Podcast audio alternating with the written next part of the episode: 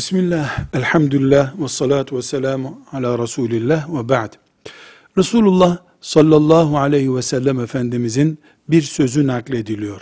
Ömer bin Hattab radıyallahu anh hakkında buyurmuş ki benden sonra peygamber gelseydi o gelen peygamber Ömer olurdu. Bu buyurmuş. Bu hadisi şerif Tirmizi'nin rivayet ettiği bir hadistir. Tirmiz'de 3686. hadisi şeriftir. Ve bazı alimler bu hadis-i şerifin sahih olduğunu söylemişlerdir.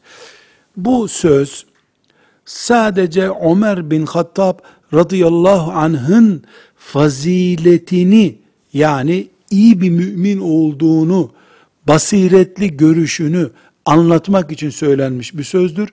Ne Ömer'den Ömer'in Ebu Bekir'den daha iyi olduğunu göstermek içindir. Ne de Peygamber sallallahu aleyhi ve sellem'den sonra bir peygamberin geleceğine dair ihtimalden söz etmektir. Öyle bir şey yoktur.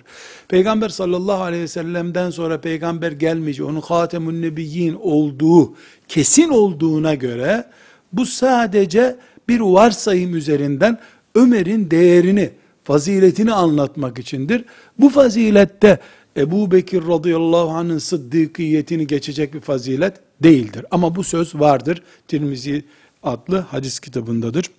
Velhamdülillahi Rabbil Alemin.